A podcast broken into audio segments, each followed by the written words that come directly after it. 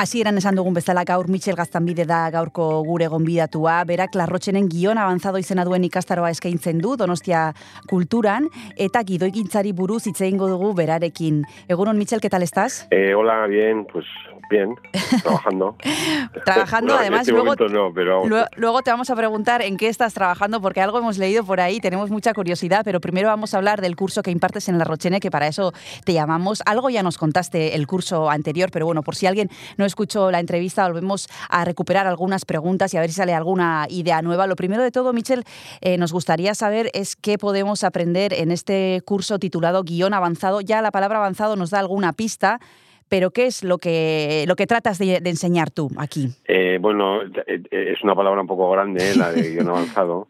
Lo que pasa que, bueno, como sabes que en la Rochene tenemos dos cursos de guion, uno que da Andoni, Andoni de Carlos, que más modestamente se llama Iniciación, y entonces para diferenciarlo el otro lo pusimos guion avanzado. Pero bueno, básicamente la intención es eh, que la persona que acuda al curso cuando termine el curso pueda tener la, bueno, más o menos el conocimiento de cómo se escribe un guion eh, profesional, ¿no? Es decir, que pueda, a pesar de que nosotros manejamos sobre todo eh, formatos de cortometraje, pero bueno, la escritura al fin y al cabo acaba siendo la misma y por lo tanto la, lo que nosotros nos preocupa y nos, y nos intentamos asegurar de que ocurra es de que el que termina el curso sepa escribir un guion de manera profesional. ¿no? Hmm. Dices, que la palabra avanzado es un poco grande, pero eso implica que algún conocimiento tiene que tener quienes se vayan a apuntar, ¿no? Es un curso bueno, ya... Eh, eh, esto ha ido eh, variando, ¿no? Es decir, evidentemente que haya algún conocimiento para diferenciar también sobre todo el primer del primero de iniciación. Lo que pasa que a, a, veces ese conocimiento viene porque son gente que ha hecho dirección eh, en lugar de guion, gente que ha hecho, que ha trabajado como técnico y no se ha formado en guion, es decir, que tiene ya, digamos, una especie de, de previo, ¿no? De conocimiento previo, independientemente de que no sea específicamente de guion. El guion, el, digamos, el guion iniciación suele acoger a gente que ha hecho menos cosas en general o que, digamos, que se, que, que inicia su actividad dentro de, del cine o de la escritura y quizás en el de guion avanzado normalmente o bien es gente que ya ha hecho ese curso previo o bien es gente que ya tiene algún tipo de, de experiencia dentro del ámbito, experiencia aunque sea escolar o, de formación, ¿sabes? Pero digamos en, más focalizado en ámbitos, digamos, más técnicos o más de puesta en escena o lo que fuere. Por eso también hacemos esa especie de, es decir, hace falta un conocimiento previo, pero quizás eh, tampoco, digamos, mayúsculo. ¿eh? Mm. Tú llevas ya un tiempo impartiendo este curso en La Rochene y ¿cuál es el perfil de personas eh, que se apunta a, este curso? ¿Ha ido variando con los años? El otro día, la semana pasada, de hecho, hablábamos con Óscar Tejedor, que también imparte un curso en La Rochene, y nos decía, jo, el perfil es muy diverso, desde personas jubiladas hasta chavales jóvenes que ya están muy, muy puestos en esto. No sé, en tu caso, ¿qué clase de gente suelen acercarse? exactamente lo mismo que lo que comentaba Oscar. Eh, digamos que, tenemos un, espectro muy variado, eh, eh, desde la juventud a la veteranía, es decir, gente que ya ha terminado su actividad laboral ¿no? y que por fin tiene tiempo de poder eh, formarse o ampliar conocimientos en algo que les gusta mucho, en este caso el cine y, el guion o lo que fuere, o sea, gente jubilada o y tal, y luego gente muy joven, gente de 20, de 22, de y luego pues gente de mediana edad, etcétera, etcétera, ¿no? Eh, es el perfil, digamos, yo creo básicamente habitual dentro de lo que es una casa de cultura, actividad volcada hacia la ciudadanía en general, con eh, la particularidad de que eh, acoge a gente que de manera específica está muy interesada en el cine. Y luego hay una cosa que para mí es esencial en la Rochene, porque, bueno, eh, igual es un poco petulante por mi parte decir que somos profesionales de primer nivel, pero bueno, más o menos somos profesionales de, primer nivel y formamos a gente por poco dinero. Es decir, en este momento la, las escuelas de cine suelen ser caras, carísimas, extraordinariamente caras, y eh, bueno, digamos con la modestia que puede tener un centro como la Rochene, bueno, los cursos son de tres semanas, de cuatro semanas, de dos semanas, etcétera, etcétera, pero sí permite un acercamiento formativo bastante serio y por un dinero, pues, decir que no te voy a decir simbólico, pero casi, ¿no? Para mí eso es esencial, que la formación no dependa del, del talonario de cheques o de la situación familiar o del, sacrificio familiar para que el niño se forme, ¿no? y entonces eso me parece que es estupendo y eso permite que de repente sea muy amplio. Eh, aparte que la gente que, que, es veterana tiene descuentos por su veteranía y la gente que es joven por su juventud, ¿no? Entonces, me, no sé, pero y eso además acaba siendo maravilloso para las clases, porque las historias que cuentan, las experiencias que se transmiten los unos a los otros, la exigencia, bueno, la exigencia, suelen acabar colaborando en proyectos y eso es maravilloso. Eso me parece que es un privilegio. Bueno, eso es algo que sale de forma recurrente en las entrevistas que hacemos aquí a quienes impartir eh, cursos en La Rochene. Muchos de vosotros nos decís, si hubiera yo pillado esto de joven, eh, cuando a estudiar cine era algo para los privilegiados, ¿no? Carísimo, en muy pocos lugares eh, se podía hacer. Y ahora, en cambio, esto, por ejemplo, que tú dices, bueno, igual suena un poco petulante decir que somos profesionales de primer orden, pero es verdad, ¿no? El plantel que, que hay en La Rochene, pues no tiene envidia de ninguna otra escuela y sin embargo es eh, una formación que, que, en cuanto a precio pues no, no, se puede comparar con ninguna otra. Eso también es una forma de acercar eh, vuestro conocimiento de una forma bastante democrática a todo el mundo quien quiera, porque desde es que se puede apuntar hasta un jubilado. Claro, es que aparte yo creo que es, eh, el que sabe tiene la obligación, por lo menos yo me, me crié en ese concepto, lo que conoce sea mucho o poco, tiene la obligación de transmitirlo. Entonces, eh, que haya una, digamos, una eh, barrera previa que es económica, yo doy clases en, escuelas que son más caras, bastante más caras y tal, ¿no? Pero también doy clases en Arrochene y para mí es esencial, ¿no? Todos los años tener mi Arrochene para poder eh, hacerlo de esta otra manera.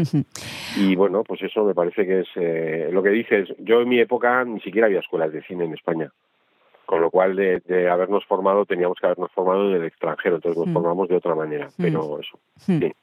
Ahora mismo vamos a seguir hablando de la Rochene y de cómo han cambiado las maneras de, de, formarse en este mundo del cine. Nos vamos a tomar un descanso y volvemos ahora mismo con Michel Castambide.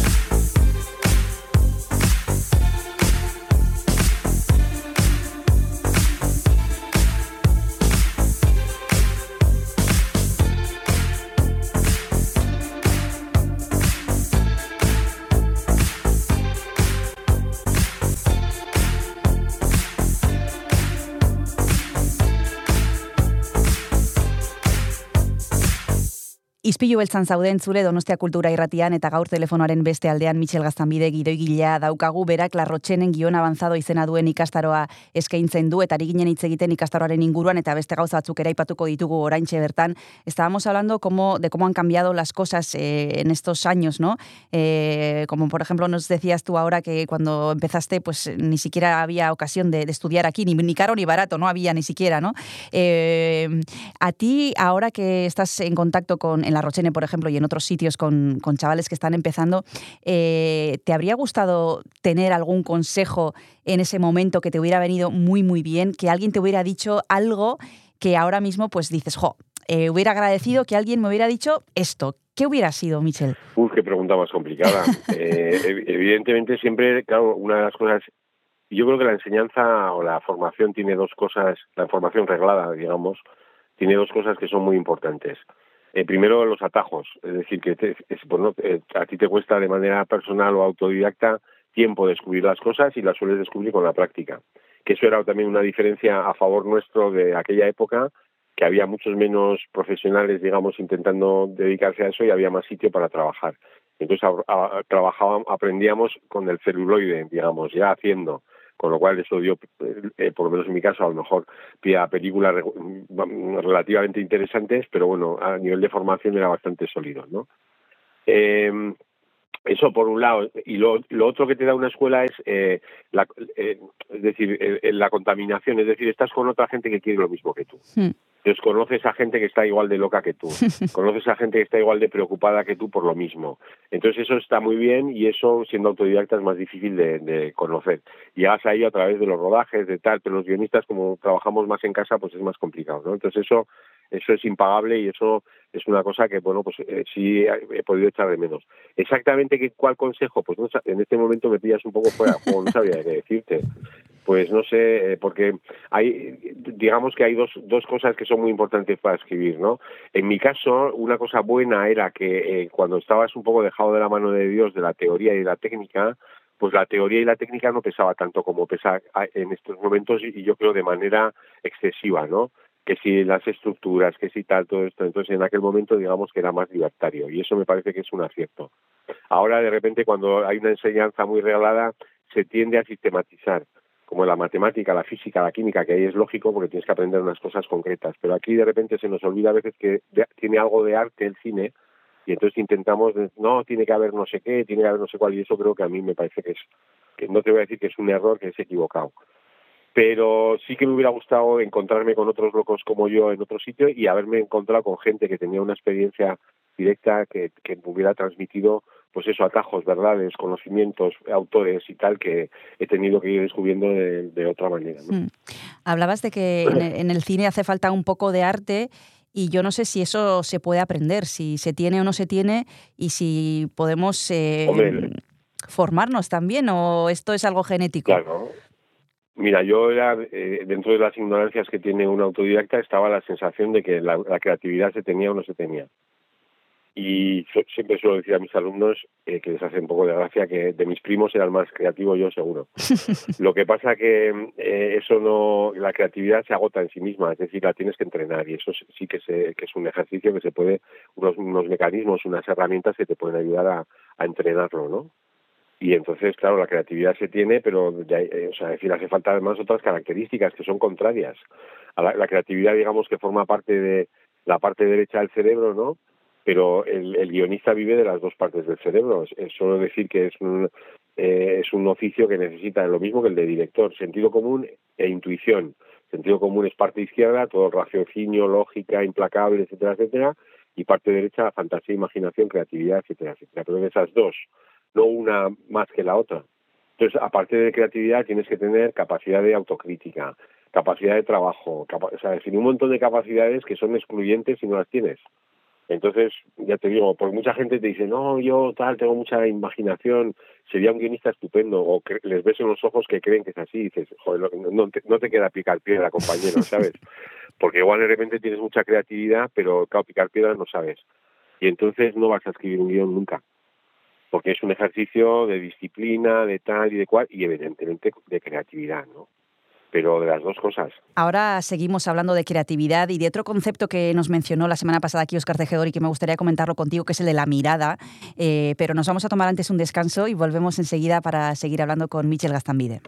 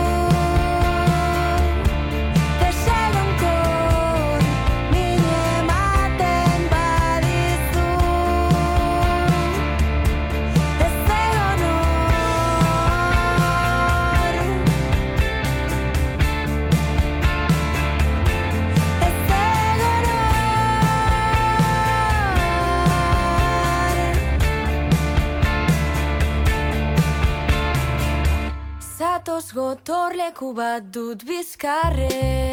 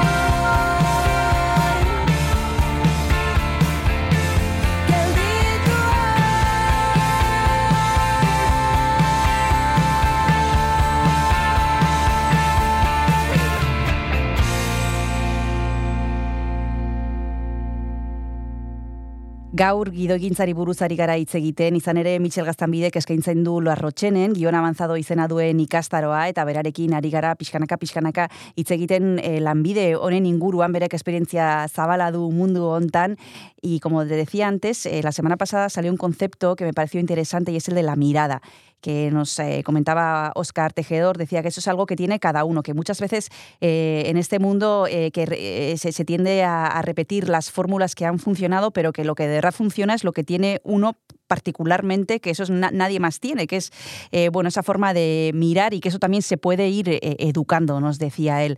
¿Te parece que las miradas están siendo similares últimamente, que estamos viendo las cosas de la misma manera o no? ¿Cómo, cómo ves la profesión en la actualidad, Michel? Bueno, pues a nivel, a ese nivel, con preocupación porque mm, eh, es verdad que los eh, que tienen, digamos, el poder en sus manos en este momento, que básicamente son las plataformas, pero digamos, aparte de las plataformas, en fin, eh, eh, pues eso, las cadenas de televisión mucho menos, pero bueno, todavía algo, ¿no? Están intentando eh, imponer una serie, están, bueno, nos están intentando convenciendo de que el espectador es poco menos que gilipollas, un poco depende un poco más arriba, un poco más eh, tal, y que necesita que las cosas se den mascadas, que necesita que de repente se repitan las cosas tres veces, a ser posible en el diálogo, o me voy a ahogar, hay uno que se está ahogando y tienes que, el pobre, claro, la última bocanada de, de agua se la traga diciendo me voy a ahogar por si acaso hay alguien que no se ha dado cuenta que se está ahogando, ¿no? Entonces yo creo que eso se nos intenta transmitir como una verdad y es una falsedad. Es decir, se está educando al espectador a pesar suyo, ¿no? Y eso me parece que es muy peligroso. Eh, a ese nivel te diré que, por ejemplo, para las plataformas no es muy importante la figura del productor, que para ellos son pues el dinero lo tienen ellos, entonces los productores hacen, digamos, lo que nosotros llamamos el service. Entonces, bueno, pues yo tampoco lo mismo, ¿no? Mientras les asegure que con ese dinero lo puede sacar y si puede ser un poco más barato, mejor. Estoy exagerando, es decir, todavía quedan productores. Eh, los directores tampoco les importan mucho, porque de repente los directores igual tienen ideas propias.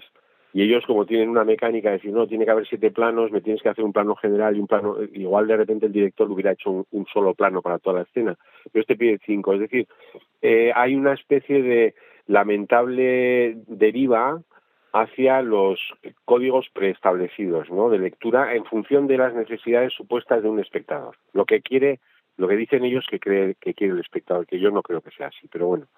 Los guionistas en este momento parece que eh, aparentemente vivimos una era de oro, porque hay mucho trabajo, pero, pero lo que pasa es lo mismo, es decir, te dicen, no, pero eh, en la primera escena ya tiene que estar claro el conflicto, en la segunda escena ya tengo que tener tal, tiene que haber siete giros por capítulo, ¿sabes lo que te quiero decir? Entonces dices, sí, hay trabajo, se confunde trabajo con momento de... Mm, eh, con un momento, digamos, dorado a nivel creativo de la, de la profesión. Entonces eso no es así. Hmm. Entonces, ¿dónde quedan esos huecos? Pues en óperas primas, en gente que ya tiene una trayectoria personal que puede todavía mantener ciertos criterios eh, autorales y tal, pero la tendencia, que lamentablemente, bueno, como todo sube y baja en esta yo, vamos, a lo largo de un montón de años, pues ves que de repente manda uno, luego manda otro, el otro se arruina, el otro lo meten en la cárcel y tal, en fin, todo esto es así, cambia mucho pero las tendencias actuales no son buenas para eso, porque de repente nos intentan, bueno, eh, educar en un lenguaje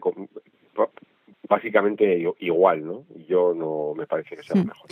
Bueno, de hecho hay una cosa que me llama bastante la atención, a ver qué te parece a ti, y es que en los títulos de crédito de algunas series ya no aparecen, eh, bueno, las figuras a, las que estábamos acostumbrados hasta ahora, pues como decías tu director, productor, guionista, sino que es showrunner, que es un concepto que no sabemos muy bien qué hace, pero que es el, el más importante. Sí, sí. Y, y, hay veces que pone la misma persona, pone creador, escritor, director, eh, dueño de la idea original parida bajo un manzano, es decir, es una cosa como absolutamente, dices, bueno, o sea, eh, yo, bueno, soy de la vieja escuela, entonces dirigido por, escrito por, ¿sabes lo que quiero decir? Y punto. Pero bueno, es una, y hay gente que se lo cree, dice, soy showrunner, soy Dios, dices, bueno, pues vale, compañero, pues mejor, mejor para ti, igual debe ser de puta madre. Y en España parece que hay mucha gente que se arroga ese nombre, pero realmente no hay muchos, ¿sabes? Es decir, pues eh, eh, te acuerdas de Pina, te acuerdas de Aitor Gabilondo, te acuerdas, eh, ellos pues sí que tienen, ya llevan un tiempo haciendo eso, ¿no? Pero de repente, o sea, hay gente que dice, yo soy showrunner y da un máster de showrunner y dices, pero tú qué has hecho, o sea, compañero, ¿quién eres? ¿No? Has hecho una serie, idea original, pues muy bien, que te lo habrán pagado, producción ejecutiva, que no sabemos muy bien lo que es eso, atribuida a un guionista, pero ¿qué es eso de showrunner, no? O sea, decir, y aparte de esas a mí no me gusta, también es una cuestión de, de oreja, ¿no? Pero no me gusta que de repente hablemos tanto en nuestro oficio con palabras, con terminologías inglesas, ¿no? Es decir, eh, digo, no, pues se, podría traducir showrunner eh, para que yo lo pueda entender. Entonces, porque dices, bueno, showrunner a mí es que está como vacío de contenido. y sobre todo hay mucha gente que se pone la medalla y no sabemos muy bien por qué, ¿no? Porque tampoco hay tanta serie de la que puedas presumir, eso por otro lado. Es decir, la gente dice, no, he hecho una serie y dices, a ver qué has hecho, hostia, macho, mejor que no dijeras nada, ¿no? Pero bueno, en fin, perdón, me estoy eh, arriba. Bueno, y al, hilo de eso, eh, Michel, te quería preguntar y para terminar por un proyecto que yo creo que no tiene nada que ver con esto que estamos comentando y es el proyecto de Víctor Erice, que bueno que muchos años después eh, vuelve vuelve al cine con una película que bueno que yo no sé si ya se ha terminado el rodaje que se llama Cerrar los ojos y que tú también estás ahí implicado. Cuéntanos un poquito hasta donde se pueda contar eh, algo sobre este proyecto. Sí bueno se puede contar poco. Se puede contar que Víctor ha terminado de rodar eh, hace muy pocos días. Por lo tanto la, la película está en la data que fue un privilegio para mí que un día me llamase me escribiese el señor Víctor Iza, al que no conocía personalmente, que ha sido un proceso muy grande, muy importante, muy bonito en, la escritura de guion y que esperamos que la película la podáis ver el año que viene. Y poco más te puedo decir. Que fue un, honor, un privilegio y, ya está. Eso. Así que, ¿sabemos cuándo se podrá ver más o menos? ¿Este año, el año que viene? yo creo que la intención es que esté para eh, para el año que viene, pero pues depende, ¿no? Estamos, eh, ya te digo, acaba de, terminarse el rodaje, luego hay que hacer todo lo que es el montaje, preproducción, etcétera, etcétera. Y bueno, pues eso es, pero yo creo que en, salas debería estar seguramente a finales en otoño del año que viene, pero quién sabe. Bueno, quién sabe. Nosotros vamos, vamos a tener otra película de Víctor dice que eso es una maravilla. Sí, sí. Bueno, pues en esta en la que ha participado también Michel Gastambide, también están eh, en la interpretación Manolo Solo y José Coronado. A ver, a ver, eh, porque este es un proyecto que no tiene nada que ver con las cosas que hemos estado comentando hasta ahora. No. Eh, hecho de otra manera y, y bueno, y con otros con, otros mimbres, yo creo también. Em, bueno, vamos al principio, a lo nuestro, que es por lo que hemos llamado a Michel Gastamide, que es el curso de la Rochene. Como hemos dicho, él imparte el curso de guion avanzado eh, para quien quiera. Ya veis que cualquiera se puede apuntar. También tenemos el de Andoni de Carlos, que es eh, iniciación, pero, pero bueno, ahí cada uno que, vea un poco cuáles son sus fuerzas. Muchas gracias, Michel, por haberte acercado a Ispillu Belsa. Un abrazo y suerte con todos los proyectos. Hasta la próxima. Vale, muchas gracias a vosotros. Un abrazo. Agur. Ispilu beltza podcasta entzungai duzu irratia.donostiakultura.eus webgunean, Spotify, Apple Podcasten, Google Podcasten edo zure audio plataforma kutxunenean.